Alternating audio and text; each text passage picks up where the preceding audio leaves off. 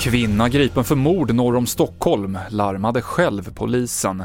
Snöslask kan ställa till det på vägarna och covid-testvinster för flera regioner. Det är rubrikerna i TV4-nyheterna. En kvinna i 40-årsåldern har avlidit efter att hon blev attackerad med tillhyggen i Upplandsbro norr om Stockholm.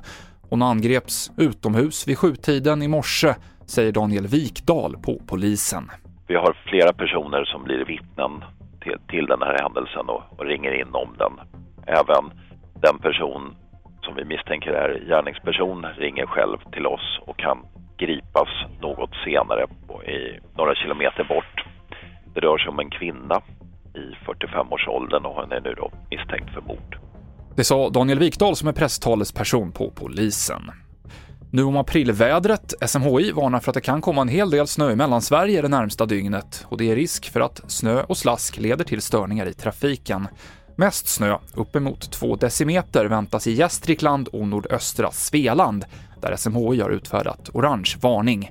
Och kombinationen svårt väglag och att många har bytt till sommardäck kan göra det besvärligt, säger Bengt Olsson på Trafikverket. Jag såg det redan igår uppe i norröver i Sverige där det var en del lastbilar, inte minst, som hade svårt att ta sig upp för backar. Det var även i Västsverige på ett antal ställen där det är lite backigt.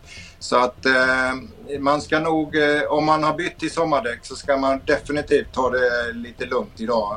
Mer om aprilvädret på tv4.se.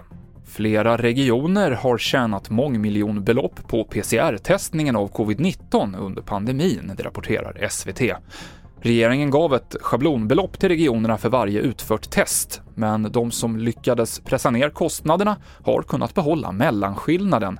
Till exempel så har Stockholm tjänat nästan 1,7 miljarder på testningen under 2020 och 2021. Fler nyheter hittar du på tv4.se och TV4 Play. Jag heter Mikael Klintevall.